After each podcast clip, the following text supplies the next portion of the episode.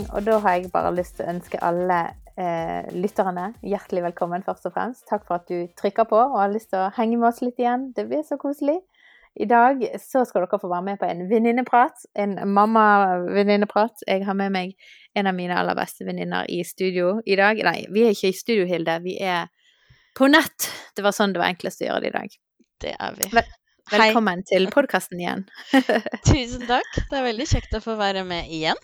Ja, for du har jo vært med tidligere. Eh, for noen eh, et år siden så var du med oss og snakket og fortalte litt om dine erfaringer som fostermor, og liksom dette med å, å, å fremme litt det med at det går an, og, og er det en god ting å, å være fosterhjem og fosterfamilie. Så den kan jo folk gå tilbake og høre hvis de har lyst til det. Det stemmer. Eh, Inger Anette er jo ikke med i dag. Hun fikk lov til å ta en liten pause. Hun står i ganske krevende småbarnsfase. Husker du tilbake, Hilde, når de var Det var våken etter sykdom og Jo, jeg kan vel vagt minnes men Hvor lenge siden er det du hadde smårollinger? Nei, nå er yngstemann hos meg 14 år, så det er jo mm. mange år siden. Men det, det er helt rart. Jeg tror man Jeg har i hvert fall vært sånn i alle fasene til barna at jeg har nesten Jeg glemmer det litt. I hvert fall det krevende av den fasen blir litt borte. Ja. Sitter du igjen med de gode tingene, da? Ja. Husker det som var koselig og det som var fint. Og så kan jeg på en måte gå tilbake og tenke på det som var utfordrende. Men det, det, er, ikke det, som, det er ikke det jeg husker. Og det, litt, det, tror jeg er litt sånn eh, beskyttelse, beskyttelsesmekanisme. Vi er nå skrudd sammen litt sånn, tror jeg. At, ja. I hvert fall når Og det er jo en god ting eh, ja, å vite for disse mødrene som sitter og føler at det er er overveldende, den fasen, sant, som ingen søvn og ingen egen tid og alt dette her, men så, så, er det jo greit å høre fra en som er litt lenger fremme og si at du vil huske de gode tingene, og gjerne ikke alle de overveldende vonde tingene, da. Ja, i hvert fall er det sånn for meg. Men er, vi er jo skrudd sammen litt uh, ulikt. Men jeg er sånn, og jeg, nå er jo jeg i en fase hvor jeg går og gleder meg litt til å bli bestemor en vakker dag. Ja. Nei, men det er jo så koselig, og vi, vi har jo vi har jo fulgt hverandre i noen år nå, og, og kjenner jo dine, dine, skatter veldig godt. Og i dag så skal jo du eh, ta oss med inn i, i, et landskap som du kjenner litt bedre enn meg. Um, og jeg har jo en gutt eh, som elsker å sitte og spille spill på telefon og på datamaskin. Det er liksom vi må rive han løs for å spise kvelds og middag, og, og han er allerede begynt å interessere seg veldig for disse tingene. Men du har jo også to gutter eh, som antageligvis har vært ganske interessert i dette med spilling og data og, og sånne ting. Hvordan har det vært for hjemme hos dere? Jo, jeg har, jeg har to gutter. To gutter og eh, to jenter som jeg har laga selv, og noen fosterbarn som også er jenter. Eh, men disse guttene mine de har eh, Ja, jeg husker ikke helt åssen det begynte, eller når det begynte. Nå er jo tida litt annerledes, for mine gutter var eldre når de begynte med å interessere seg for spill, enn det eh, din eh, gutt er. Men det tror jeg handler litt om, om tida som vi lever i. Jeg mener at uh, kanskje Markus kan ha vært uh, ja, 10-11 når, når, det Og da begynte det med, med Minecraft, husker jeg. Det var, eh, det var der det starta. Men før det så hadde de jo vært eh, de hadde vært interessert i, i altså spillkonsoller. Da, altså, da var det GameCube, husker jeg. Eh, de hadde men Hvor gamle de var da. Men de var, de var nok eldre enn Joshua, tenker jeg. Ja, for det, nå, det er jo en ting at det, det, blir jo bare tidligere og tidligere de begynner å, å, å sitte og på en måte Den interessen vekkes, da, vil jeg tro. Ja, jeg tenker jo allerede fra, fra veldig ung alder. Altså, du ser jo De er jo to-tre år kanskje yngre òg når de sitter, får sitte med smarttelefoner. Og, Ikke sant? Yeah. Det er jo vi foreldre som legger opp til det, selvfølgelig. Vi gir de disse telefonene. Og da er det en del sånn interaktive games, altså spill, som uh, I tillegg til filmer, selvfølgelig. Sånn at den interessen tror jeg starter uh, tidligere og tidligere. Og sånn vil det sikkert fortsette å være, for det er jo sånn verden er nå. Altså ja, og det er jo det vi vil snakke litt om, både si, plusser og minuser. Men, men det er jo viktig å bare legge til her at vi er jo, og du jo, skal jo ikke få på deg en eksperttittel på å vite alt og, og komme med, liksom. Men du, du, skal dele dine erfaringer og tanker, og så skal jeg prøve å bare stille mange dumme spørsmål. Og så, og, og så se om vi kan bli litt klokere. Um, Ja, for det, vi, det er jo viktig å få fram at jeg har jo ikke noe spisskompetanse på dette i det hele tatt. Men jeg har to gutter som er glad i å game. Jeg har en gutt på 18 år som uh, bor hjemme, og så denne høsten så er vi så heldige at uh, nest eldste gutt på snart 23 faktisk bor hjemme Mm. hos oss eh, i noen måneder mellom to to faser. Han er på flyttefot til Stavanger. Og han er også en Mm. gamer, så nå Og eh, jeg og min mann vi har eh, soverom midt imellom disse to guttene, sånn at eh, det kan være rimelig intenst til tider, skal jeg love deg. For når de sitter på hver sin PC med headset og hyler og hoier og skriker, og For det går ganske eh, Det går ganske høylytt for seg, faktisk. Eh, til tider. Nei, men det er jo en verden som på en måte jeg sånn, vi, er, vi, er, vi er her at vi begynner Vi er på Minecraft og bygging og Ja. eh, vi sitter her i sofaen og, og det er liksom Det er ikke kommet til der at han sitter på rommet sitt med på en måte eh, egen konsoll og de tingene. Eh, men sant, jeg ser jo for meg at det vil bli etterspurt eh, som julegave etter hvert i, som årene går. Mm. Men, eh, men hva er din opplevelse med dette her? Eh, Er det en alt, alt i alt positiv eh, eh, hobby? Det blir jo som en hobbyaktivitet. Det blir som en hobby. Altså det jeg, jeg har tenkt mye Etter at du spurte meg, så har jeg tenkt mye på Prøvd å liksom bli, ja, bli litt klok på hva jeg, hva jeg tenker rundt det som er positivt, og hva jeg tenker rundt det som er, eh, er negativt. For det er definitivt eh, begge aspekter eh, som kan tas fram. Det som, det som eh, er en kjensgjerning, er jo at det med gaming blir mer og mer anerkjent som både Altså det er jo til og med innen Altså det er jo en sport.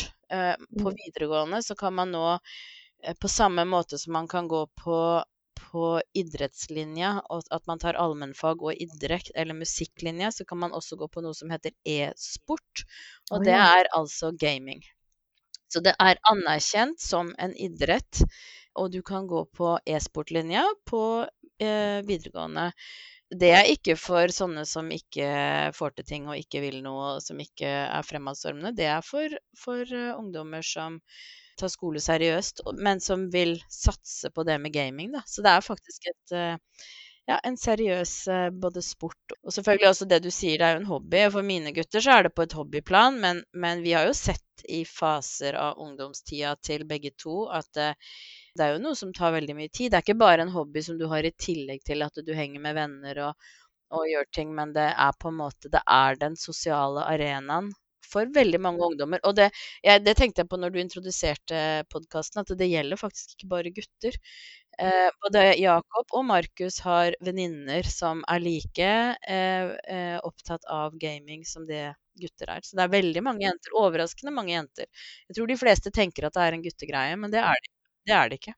Nei, og, og så er det jo, jeg syns det er interessant, for det, det ble jeg først eh, kjent med når jeg snakket med deg om, om dette for noen år tilbake.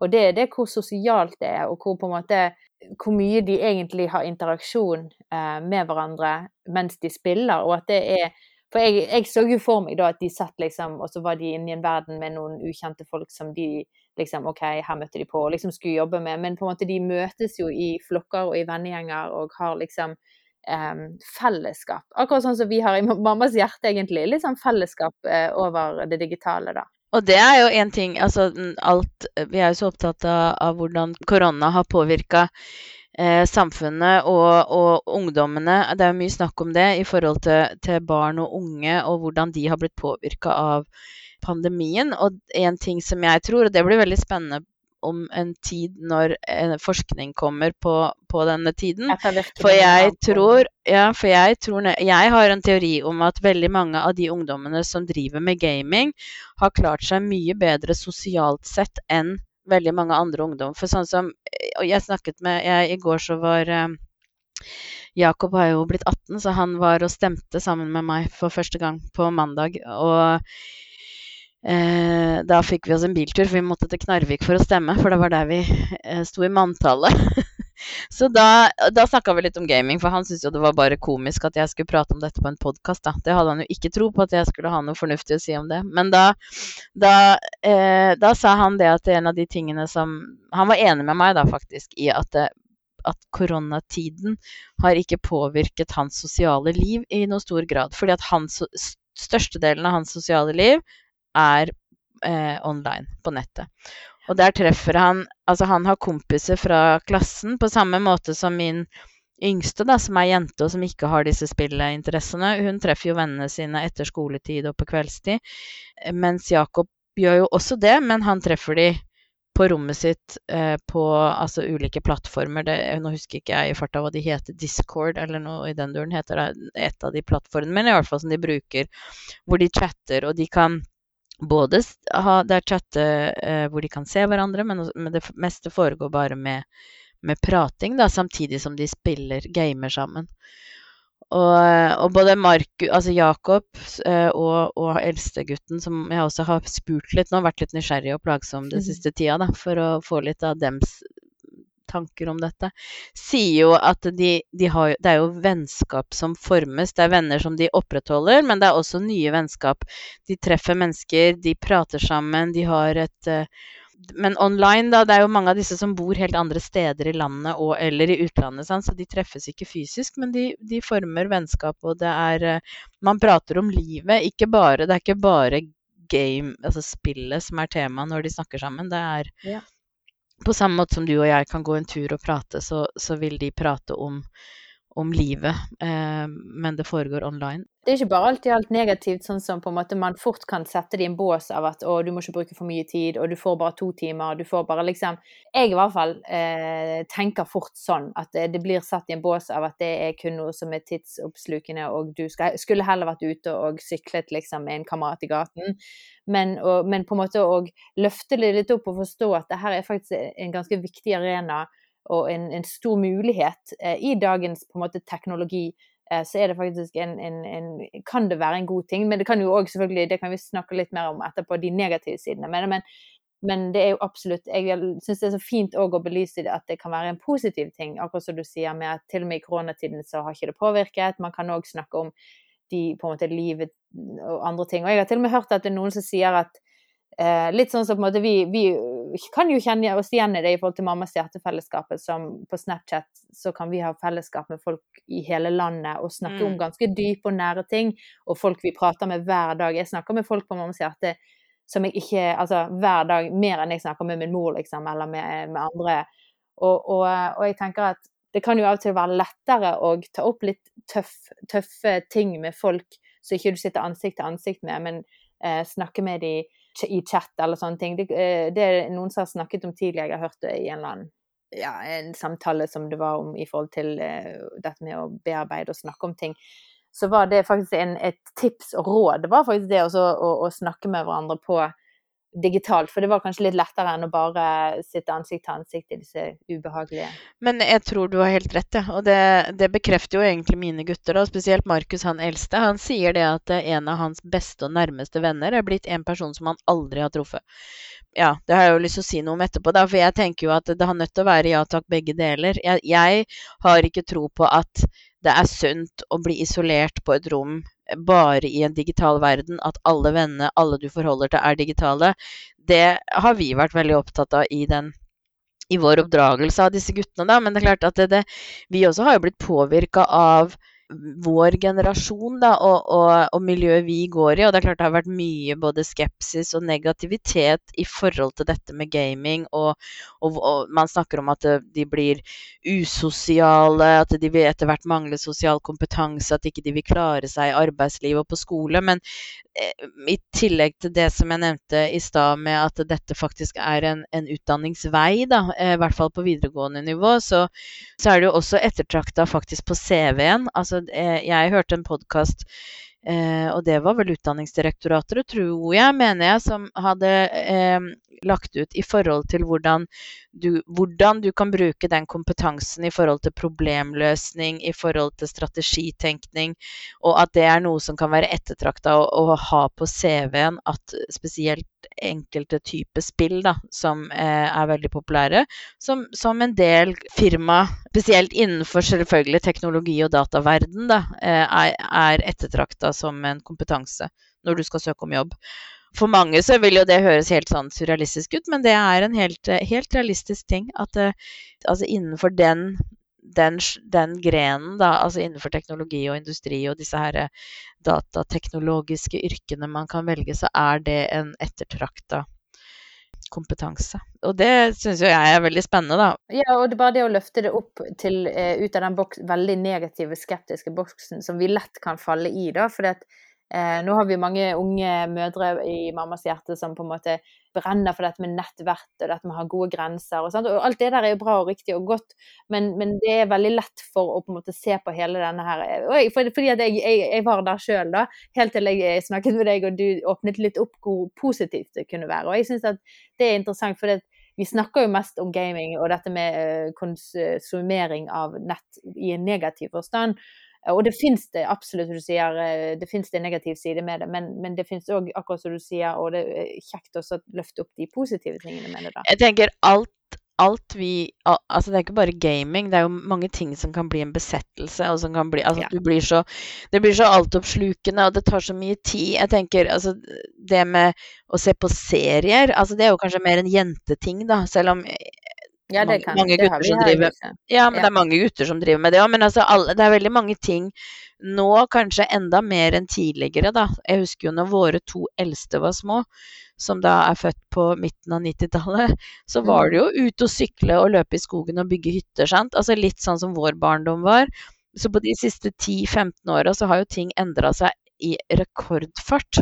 Men, men, jeg tenker i hvert fall sånn at uh, jeg må bare følge med, da. Jeg må henge med på et vis. Og så, og så, må vi gjøre det beste vi kan. Vi må legge til rette for at våre barn får eh, viktige impulser i forhold til familie, i forhold til samspill, i forhold til Sant?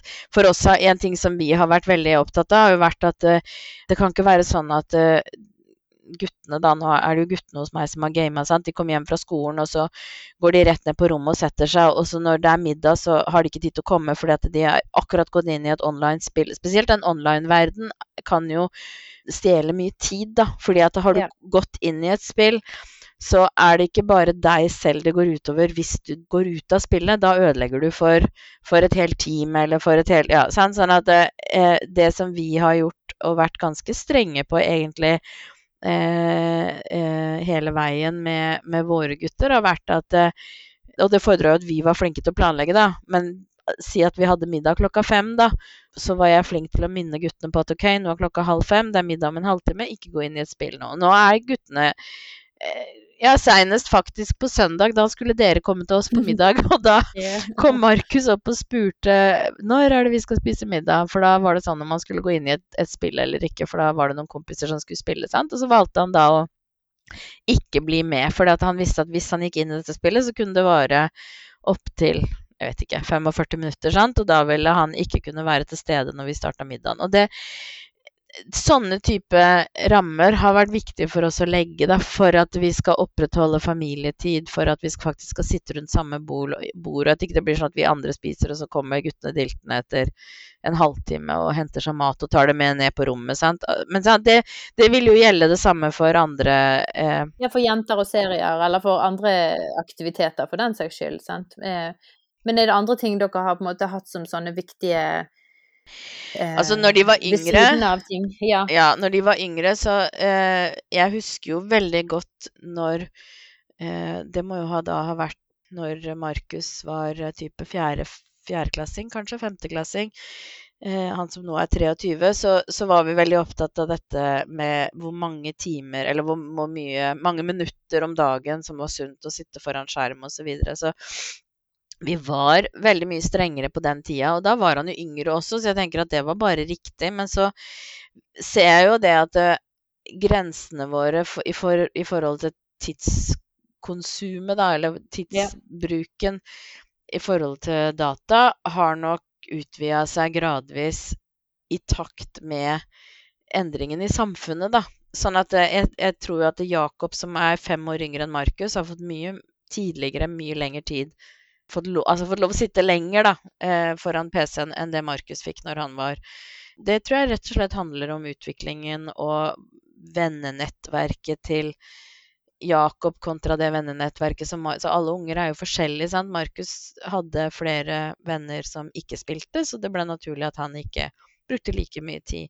Så vi har hatt grenser og regler for begge, begge guttene våre opp igjennom, men jeg jeg, tør, jeg, kan ikke sitte nå og si at ja, de fikk lov å spille tre timer eller de fikk lov å spille to timer. Men vi hadde sånne type rammer. Men jeg husker ikke nå hvor lenge det var. Men, men nå er jo mine gutter 18 og 23. Så teknisk sett så har jo ikke jeg noe jeg skulle sagt. Men de bor i mitt hus, sånn at vi har jo på en måte Du har regler i huset? Ja, vi har, fremdeles, vi har fremdeles rammer i forhold til det med å spise middag, og i forhold til det med å gjøre sant, oppgaver i huset, hjelpe til, eh, gå tur med hunden. Altså, vi vil jo ta det opp med dem hvis vi ser at det, at nå er det så altoppslukende at på en måte vi andre eksisterer ikke. Men det har i grunnen ikke vært et tema, da. Jeg føler ikke at vi, vi har aldri vært der. Men det, har dere hatt noe sånn eh, når de var yngre, da, at på en måte hvis, hvis, du skal få lov å spille så mye, så må du også være med i en aktivitet eh, som på en måte handler om mer sånn fysisk aktivitet. Ja, det hadde vi. Jeg tror med Jakob så hadde vi det fram til hvor vi kjørte veldig hardt på de tingene. I hvert fall, jeg lurer på, til, eh, og med 10. klasse, altså så lenge han gikk på ungdomsskolen. Vi, det endra seg når han begynte på videregående. At det endrer seg veldig naturlig når de blir eldre, for at de tar mer og mer eierskap i egen og styrer mer egen tilværelse jo eldre de blir, og det tenker jeg er helt naturlig. Og det er jo en fin ting. Ja. Mm. ja men, men, eh, med Jakob så var vi veldig opptatt av at han eh, gikk på ungdomsgruppa, altså i eh, ungdomsklubben, og at han drev med en sport. Så han holdt jo på med turn i, i uh, mange år. Jeg husker det, og han var jo så flink i Ja, han var veldig flink, og det, uh, det, var, det var, ulike årsaker som gjorde at han eh, droppa ut turen, og det handla ikke bare om hans valg, det handla litt om logistikk og mange ting. Men eh, vi holdt veldig lenge fast på de rutinene i forhold til ja, jeg hadde en tanke, eller vi hadde en tanke om at det var sunt å være fysisk aktiv, ikke bare sitte hjemme. Han, han, når han slutta på turen, så begynte han å klatre, så det holdt han vel på med til og med 10. klasse. Sånn at det, vi, vi jobba veldig for å motivere til at han gjorde ting fysisk, i tillegg til at han hadde eh, spill som en, en veldig utprega hobby. Da. Den tok mye tid, sant. Og selvfølgelig dette med skole det var også en veldig tydelig forventning at så lenge han Altså, han måtte følge opp skole både med tanke på oppmøte og at han var på skolen og alt dette her, men òg at eh, skoleprest Altså så, så, lenge han fulgte opp prøver og gjorde sitt beste, da, på skolen, eh, så var det også forventninger som vi var veldig tydelige på at hvis det begynte å, å gå på bekostning av spill, så var vi veldig tydelige på at da måtte vi stramme inn på type spilletid og men, men, det har Jeg føler at det har på en måte gått seg veldig godt til, da. Eh, og det tror jeg ikke er for at vi er noen spesielt fornuftige gutter. Det handler vel mer om at det har vært Vi har hatt det som fokus, og vi har vært tydelige på det, og det har vært viktig for oss, og de har respektert det. Men for å da liksom ta opp den litt negative Nå har vi jo løftet det veldig positivt, og jeg syns jo dere har en veldig fin balanse, høres det i hvert fall ut som. Når du er i den verden der, da, hva er det som kan på en måte hvilke er det liksom spillet og, og, og grovhet eller vold, voldelighet som er negativt, eller er det det at man kan eh, Hvis man tar dårlige valg og eh, snakker med folk man ikke skal snakke med, eller på en måte er det det Hva er det som på en måte er de, store, de, eh, de tingene vi skal være litt obs på i forhold til eh, den negative konsekvensen av dette her?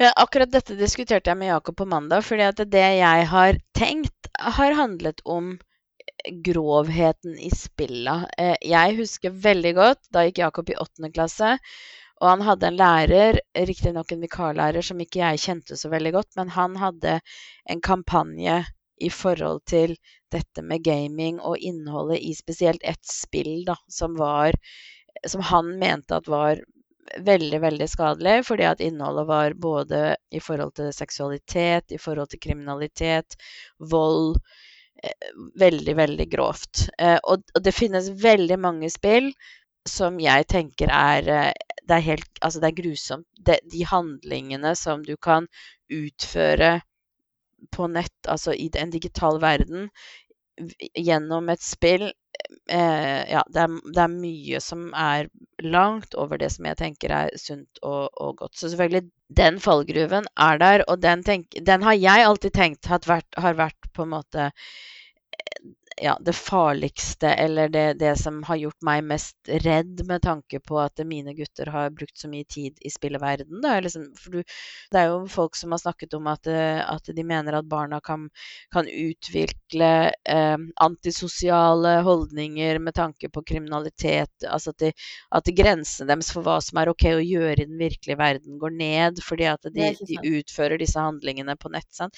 Jeg tenker at det er helt reelt, det finnes. Men det som, det som Jakob eh, sa noe om når vi snakka om dette på mandag, som han mener kanskje er enda mer utbredt og enda, mer, en enda større utfordring blant de fleste. Sant? Det finnes jo alltid ytterpunkter, sant? så det er, sikkert, det er helt sikkert barn som tåler veldig dårlig å spille voldelige spill. Som, som utvikler en voldelig atferd, og som gjør ting i, på skolen. De begynner å slå venner seg. Altså som utvikler en voldelig atferd. Det tror jeg finnes, det, eller det vet jeg finnes. Men det Jakob mente var et enda større problem, det handler rett og slett om det sosiale fellesskapet som vi, frem, som vi snakket om i stad, med positive fortegn. Da det er også en fare for at når du er i et interaktivt fellesskap på nettet hvor ikke du ser hverandre, hvor du kan snakke om det som du sa, med at det er lettere å snakke om viktige ting, og man kan ta opp eh, Altså man kan mm. få gode samtaler. Det kan òg bli en arena hvor det er lettere å være stygge med hverandre, fordi at eh, man ser ikke hverandre. Så Jakob sa at dette med, med mobbing, med altså det å herse med hverandre, si stygge ting til hverandre, skjellsord ganske grove Altså Jakob sa at det, det, er ganske vanlig, og det handler jo litt om hvilken arenaer, hvilke vennegjeng eh, du velger, da. Så det konkluderte vi egentlig med, at det er, det er egentlig akkurat det samme som Vennegjeng fysisk, da? Vennegjeng fysisk, sånn som f.eks. 14-åringen vår, hun jenta som, som, kan velge seg ulike miljø sant, å henge med, eh, som kan være både positiv og negativ. På samme måte så kan du velge positive og negative miljøer. Sant? Jakob sa når han spiller med sine kompiser fra skolen, og det hører jeg jo, når han spiller med de, så er det latter, og de, de tuller, og de tøyser, og de har det gøy sammen. Men så sier han at hvis han går inn på en del andre arenaer hvor du spiller online, kanskje med folk du ikke kjenner, eller folk du blir, du blir invitert inn i grupper og, og sånn spillag og sånn, så sa han at folk er, kan være vanvittig stygge med hverandre. Eh, og, og, at det i de arenaene der kan foregå veldig grov og alvorlig eh, utveksling og mobbing som kan føre til ja, alvorlige psykiske problemer, f.eks. For, for, for enkelte som, som, av en eller annen grunn blir et offer, på samme måte der som i, i en fysisk vennegjeng. Da. Men hvordan har du valgt å følge opp på en måte eh, i forhold til hva hvilke spill de får lov å spille i forhold til disse som du sier som er, du syns er hakket over. Har dere hatt noen grenser der, og i forhold til på en måte kontrollerer du for det, Eller på en måte hvor mye blander du deg i det sosiale, og hvem på en måte de velger seg inn i og sånn? Der tenker jeg, og jeg må jo bare være helt ærlig og si at jeg skulle jo ønske at jeg verken jeg eller min mann har en utprega eh, god kompetanse på spill. Det som, har, det som, vi har prøvd å gjøre, da, er at vi har vist interesse eh, for den verden i samtale med guttene våre. Men det er verken jeg eller Peter har satt oss ned og spilt. Det finnes jo mange foreldre som er kjempeflinke på det, fordi at de, de har en interesse og en Og ja, det tenker jeg er en del av den for, foreldre, yngre foreldregenerasjonen nå, de som har små barn nå.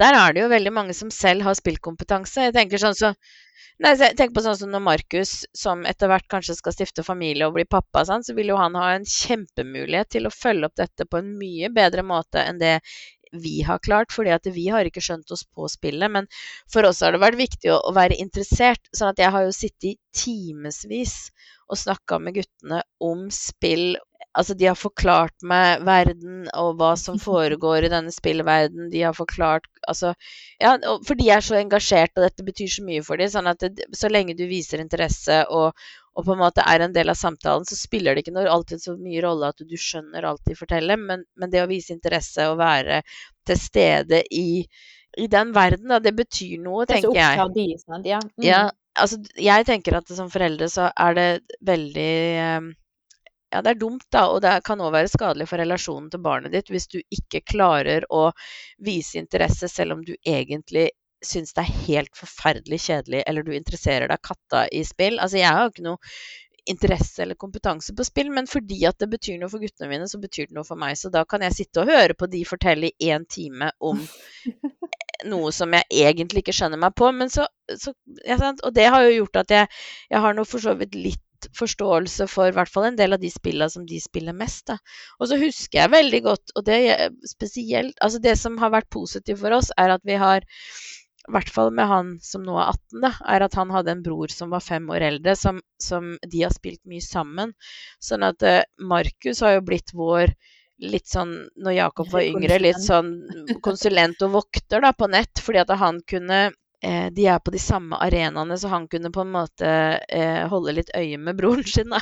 For, og, det, og, det, må jeg jo si at vi brukte for det det var verdt, da. Men der igjen, når Markus var på Jakobs alder, så hadde ikke vi de mulighetene til å følge opp Markus så godt som Jakob. Han fikk nok en bedre Vi hadde mer kontroll på hva han gjorde på nettet enn det vi hadde med Markus. Men, men jeg tror òg at når Markus var på Jakobs alder så var det Altså, ting har utvikla seg så kjapt. Sånn at de fem åra det var ikke like mye eh, utfordringer, tror jeg, da, eh, den gangen Markus var ung tenåring, som det det var når Jakob var ung tenåring. Men jeg, jeg, tør ikke, jeg vil ikke i det hele tatt si at vi har hatt full kontroll. Det har vi ikke hatt. Jo, jeg, men det, vi kan ikke det. Og jeg tenker at det, det blir nesten skadelig hvis et forelder skal ha full kontroll. Det vil, det vil, oppleves kontrollerende. Det vil oppleves at ungene vil jo skyve det mer fra seg. Og jeg syns jo jeg synes du beskriver det jo bare perfekt. Eh, måten man skal eh, på en måte vise interesse, til og med når det er noe som er gørrkjedelig for deg, så på en måte sette seg ned og bare prøve å forstå, prøve å lytte. Og så tenker jeg jo, og i den situasjonen når man sitter der og lytter og prøver å forstå og er i den verden og lytter, ja, blir med de på den reisen, så kan man jo ha på litt sånn, sånne her antenner, da, og liksom prøve å plukke opp litt. Ja, eh, hvordan eh, snakker han om disse folkene, eller hvordan eh, Og spørre etter, ja, hva syns du om å se eh, de og de scenene som kanskje kan være litt altså, sant? Og heller på en måte være litt analytisk, tenker jo jeg, da, i ja. eh, den settingen. Jeg er helt enig. Men ja, og vi har også jeg, tenker, jeg, husker jo veldig godt tilbake, jeg nevnte det jo i stad, den læreren som tok dette her opp på et foreldremøte. Da tror jeg Jakob gikk i åttende klasse, eller kanskje niende. Og, og, da husker jeg jo at det, det skremte meg veldig, da. Og jeg kan godt huske, jeg husker veldig godt at jeg kom hjem og, og skulle liksom snakke med Jakob om dette, og spiller du dette spillet, og uff, det er jo helt forferdelig. Og i den settingen nå, så, så, så fikk jeg en litt sånn herre ja, det er, det er, mye som er skummelt, og det er mye som er veldig negativt. Nå, nå spilte ikke Jakob det spillet faktisk så mye, så det, var, det, ble aldri et stort problem.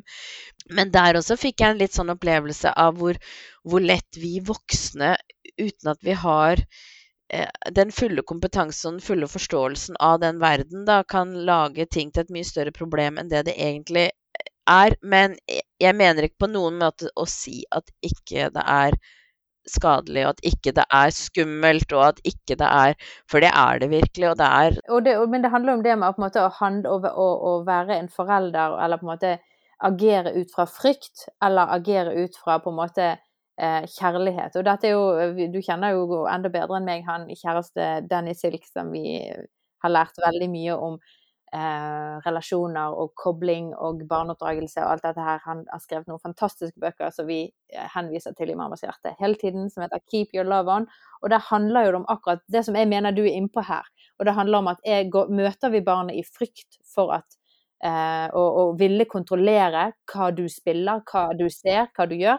Eller møter vi de i kjærlighet og vil, vil koble med barnet. Sånn som akkurat det som du beskrev at du gjorde med dine gutter. Du møtte de kjærlighet, du ville koble med de, du ville koble med deres interesse. Du ville høre om det som betydde noe for de. Og da kan jo du på den arenaen heller komme inn med noen tanker og veiledning og, og Så jeg tenker at det der var jo og for det er så lett for foreldre. Sant? Du, sånn som du sier at du, på et foreldremøte så hører du en lærer som, eller barnevakten som drar rundt og sier dette og dette må ikke de se på, dette og dette må ikke du spille. Så skal du hjem og så skal du prakke på dette her på barna dine, og du skal sjekke at alt er i orden. Og, eh, og det kan fort bli noe som driver de heller inn i De stenger en dør og sier ja, men du får ikke lov til å høre mer om hva jeg ser på og spiller, eller hva jeg gjør på. Fordi at Og da, da, får jo du ingen innpass i på en måte deres verden i det hele tatt. Nei, og selvfølgelig, i en ideell verden så skulle man jo ønske at man, man klarte å skåne barna sine for alt dette her. For det, det, er jo, altså det er jo mange ting jeg skulle ønske at barna mine aldri måtte forholde seg til. Men i den verden som I hvert fall ikke i den verden jeg har eh, er i, da, så, så, er det ikke sånn det funker. Jeg har, ikke, jeg har i hvert fall ikke klart å, ska, å skåne barna mine fra alle disse arenaene som, som, kan skade de, da. Men selvfølgelig, det er jo en av de tingene som vi er opptatt av som foreldre, er at vi, vi ønsker å legge til rette for at barna våre skal få det best mulig, at de skal få de beste forutsetninger, og at man skal kunne skåne de da fra potensielt skadelige ting. Og, om det er da miljø, fysiske miljø som de velger å være en del av, eller om det er en spillverden, det, det er litt sånn likegyldig, da. Men, men av og til så, så tar barna våre valg som, som skremmer oss som foreldre, da. Det er veldig vondt, og det er veldig dumt at det skjer, men det skjer. Og jeg tror veldig mange av oss, ikke bare meg, da. Jeg regner ikke med at det gjelder bare meg, men vi har opplevd det, og vi har stått i det på ulike måter da, med, de, med barna våre. Og så har vi måttet finne veien gjennom i forhold til det. Og da tenker jeg sånn som det du sier, da, at kommer du hjem fra et foreldremøte og setter foten hardt ned, og, og, du trer grenser og rammer og regler over hodet på barna dine, så, så, er jeg helt enig med deg, da. Det som skjer ofte da, er jo at du bare Du dytter de vekk, og du, du mister muligheten for samspill og forståelse og vokse sammen og finne ut av det sammen. Så jeg har ikke lyst til å si at det har vært en sånn lost kamp som jeg har tapt, for jeg føler ikke egentlig at jeg har tapt noen kamp. Jeg har to gutter som er glad i å spille, men begge de to guttene er eh, sosialt oppegående, eh, ansvarlige unge menn. Selvfølgelig så, så, kan jeg tenke Altså, jeg, jeg mener at det er aspekter med den hobbyen som kan stjele mye tid, men jeg vet jo at det er også ting som jeg kan drive med, eller som, som, kan bli en del av mitt liv, eller andre mennesker som har andre interesser, som stjeler tid, da. Og at eh, gaming definitivt kan stjele en del tid det, det, er en kjensgjerning. Og spesielt dette med døgnrytme. det, jo, det, har vi ikke snakket om i det hele tatt, men det vet jeg jo er en utfordring for en del foreldre som har barn som gamer. Spesielt fordi at verden blir så liten. Altså Det handler ikke bare om Norge og vår tidssone.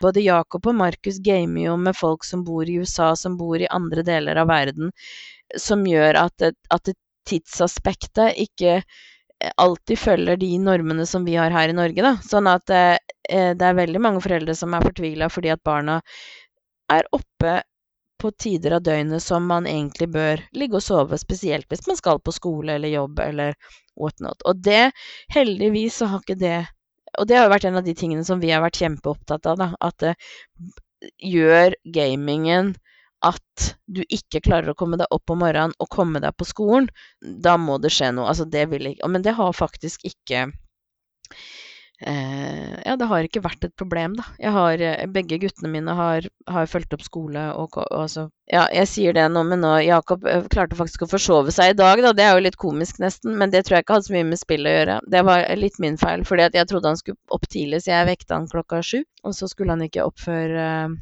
ni, for han starta seint. Og da mente han at det var min feil, da, for da sovna han igjen, og da sov han så tungt når klokka ringte. Så, mm. eh, men, men, ja, det var nå bare en digresjon. Nei, men det var eh, så mye viktig og så mye bra. Og jeg bare syns eh, måten du har håndtert det på, og måten du eh, portretterer dette landskapet, så syns jeg at det nesten er litt befriende. For det at jeg føler jo at på en måte å gå inn i denne verden med, med Joshua som spiller bare veldig forsiktig her nå, men jeg har en antakelse av at det sikkert vil bli mer etter hvert, så føler jeg at det ligger en sånn her rammer, regler, følge med du, du, du, sant? Eh, sånn som du sier, bare tre, skal bli tredd over oss. Men, men det handler mer om å på en måte ha denne koblingen, eh, lytte til de, være interessert. Og jeg syns det, det, skal vi få til. Det er ikke så vanskelig, da. Det som mener jeg jeg skal få til. Det vet jeg dere får til. Men sant, å dyrke alle de andre Altså Joshua har jo også, og det har jo mine gutter hatt òg, andre andre interesser og andre ting enn gaming. Sant? Markus hadde basketball, og, eh, og han var også mye mer mine to gutter er kjempeforskjellige. Markus er jo en supersosial type, sånn at når han gikk på ungdomsskolen spesielt, så hadde jo han masse eh, kompiser og hang med venner på fritida i tillegg til gaming. Ma Jakob er en mer introvert type og som har ikke det samme sosiale behovet. Han får egentlig tilfredsstilt sitt sosiale behov med å gå på skolen, eh, og nå jobber han også, sant. Men, sant, Det, men, han har vært veldig opptatt av turn og disse tingene, i hvert fall fram til han begynte på videregående, da. Men det å dyrke alle disse andre andre delene av det, at ikke de bare blir en gamer, de er også en kompis, de er også en som driver med sport, de er også en som ja, går i kirka altså Alle disse andre De har andre deler av seg enn bare det å være en gamer, og det tenker jeg er viktig for, for de selv også, da. At de kan ha en identitet som mer enn at ikke de blir en gamer. Og, men den merkelappen tror jeg jo ofte det er oss foreldre eller de rundt som setter på ungdommene, ikke nødvendigvis de setter det på seg selv, da. Men det tenker jeg er litt viktig. Uh, så det har nå vi vi vært, uh, vært uh, opptatt av. Og nå Altså, jeg kan bli irritert på at de at jeg syns de spiller for mye, sant, men nå er mine gutter blitt så voksne at nå kan jeg si det til dem, at uh, hallo, nå, nå er det nok skriking og hoiing og ja, Og det er en ting jeg også har vært fulgt litt med på, sant. Altså ja, for det er veldig høylytt. men, men det med sånn i forhold til det vi snakket om i stad, med det med mobbing og det med at ting kan bli ganske sånn stygt i, i hvordan de behandler hverandre. Det vil man hvis man har hvis, Med mindre man setter de inn i et lydtett rom hvor man ikke hører de, da, så har man muligheten til å følge litt med på det, og det har jeg vært litt bevisst på, sant. For jeg hører jo eh, i stor grad når jeg er hjemme, da, hvordan tonen er Jeg hører jo ikke hva som blir sagt i øretelefonene til guttene mine, men jeg hører hva de sier. Så det er klart at hadde, hadde Jakob og Markus begynt å ja, å ha et språk som ikke var greit, hvor de begynte å, å sant, være stygge da, i sin ende, så ville jo det også gitt noen indikatorer som ville gitt meg noen varsellamper da, og noen, noen, bjeller i forhold til at ok, dette her er kanskje ikke ok. Men, men som regel så er det bare latter og hoiing og, og, skriking og altså en positiv det, det, er mye lyd, men det er positivt. Ja, jeg har jo også han der som bare bygger Minecraft. Det er så høylytt av og, og, og, det er Jeg blir jo støtt bare at han går og så dreper disse dyrene. Altså, for der skal han jo I Minecraft skal jo du Du må nødt til å drepe en ku, ku for å få kjøttet og for, for, å få skinnet til å bygge forskjellige ting og lage forskjellige redskaper. Ja, ja, ja. Jeg synes jo Altså, han uh, går jo etter disse dyrene som en uh, ja, killer eh, monster instinct. Så jeg blir jo helt stresset, kjenner jeg. Men jeg må jo bare Tenk når det begynner på mennesker og sånn. Det blir jo òg det er, ikke, det er ikke enkel kost for en mor å uh, godta. Nei, det er det ikke. Og det er klart at du må jo finne de grensene som blir rett for, for din gutt. Og, og, jeg sier ikke at uh, de grensene som vi har hatt her hjemme, verken er eksempel til etterfølgelse eller er perfekt, men det har funket for, for oss. Og det kan godt hende det er at vi kunne gjort andre valg opp igjennom, men nå har vi, tatt, vi har tatt de valgene vi har tatt, og, og jeg, eh, jeg, tenker at vi kan stå inne for det. I hvert fall med tanke på, på hvordan disse guttene fungerer i dag. Men, men det er ikke et, et, lett landskap å bevege seg i, men det er det ikke tenker jeg, i noen ting, i noen ting da, i å være foreldre. Og jeg tenker at vi kan Du, du spurte meg jo innledningsvis om jeg huska hvordan det var når de var små. og og, og, det var slitsomt. Og jeg må jo si at jeg av og til lengter tilbake til den tida, da, når, jeg, når, du står i ganske tøffe ting med tenåringer, hvor det er andre ting du skal forholde deg til. Da. Det er en tøff verden å vokse opp i, om det er en gamer, eller om det er en, en ungdom som, som liker å, å henge og, og, Ja. Det er, eh, det er mange fallgruver overalt. Eh, men eh, nå var det jo gamere vi snakka om, da. Ja, ja, men jeg syns jo at på en måte den, eh, bare for å konkludere og eh, løfte det opp til eh, Ja, det der med å koble med barna, vise de interesse, ikke gjerne komme med reglementet, regelboken og slå de i hodet med den, men på en måte det å være der, koble med hjertet deres og eh, stå med de i de, på en måte, den verden de står i, det tror jeg er gull verdt. Og der ser jeg jo dere gjør en formidabel jobb. Nå ble jo jeg rørt, men jeg ser jo eh, jobben dere gjør, og dere er jo bare dere er forbilledlige som foreldre, og den jobben dere gjør med å bare koble med ungene deres, stå med dem i alle livets faser, det er fantastisk eh, forbilledlig, Hilde. Så jeg er heldig som får lov til å leve side om side med deg. Det må jeg få lov å si. Takk for det. Det er ikke alltid det kjennes sånn ut, da, men jeg, setter veldig pris på at du sier det. Og det er eh, Ja, nei, det, jeg tenker det med connection er det viktigste relasjon, relasjon, relasjon. Det, Det er så bra vi kunne lande der, for det, sant, vi snakker om dette temaet, så kunne vi landet på regler, disse spiller ikke, disse spiller ikke, men jeg føler liksom dette var den beste plassen vi kunne lande på. Det handler om koblingen, interessen, at de føler seg sett, hørt, hørt møtt. Eh, og så vil jo en dør åpnes inn til deres verden, og det er clouet. Helt enig med deg i det. Nei, men da takker jeg for at du ville dele så ufattelig mye visdom på, på denne korte tiden. Tusen takk, altså. Det var helt eh, nydelig. Jo, det var bare kjekt. Jeg kjente når du spurte meg om å være med på, på dette temaet, så tenkte jeg først at nei, det har ikke jeg kompetanse på. Men så tente jeg litt på det, så jeg sa egentlig ja ganske kjapt. fordi at jeg syns egentlig at det, ja, det er et spennende tema, for det, for det er fryktelig masse meninger om akkurat dette. Eh, og jeg syns vi fikk snakket om det på en veldig fin måte, og ikke bare sånn der eh, ja, alt det negative. Så mm. veldig glad for det. Så jeg håper du som har lyttet på, har fått masse matnyttig til Jeg vet jo at det er veldig mange unge mødre, mange som har eh, i småbarnsfasen eh, og, og, skal inn i dette landskapet en eller annen gang. Så da har du kanskje forhåpentligvis fått litt, litt lavere skuldre og litt eh, pekepinn på hva som kan være viktig da, å, å tenke på eh, gjennom det som Hilde har fortalt.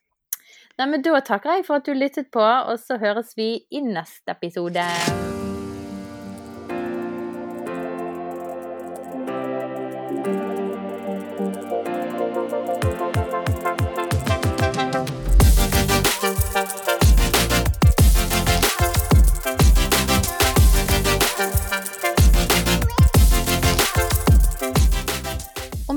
Tilbakemeldinger, tanker eller spørsmål etter det vi har snakket om i dag, så skriv inn til post alfakrøll mammashjerte.no.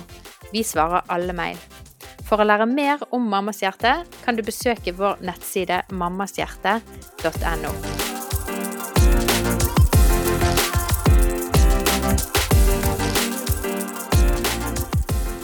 Denne podkasten er laget i samarbeid med Tro og Media og Familiesenteret i Bergen.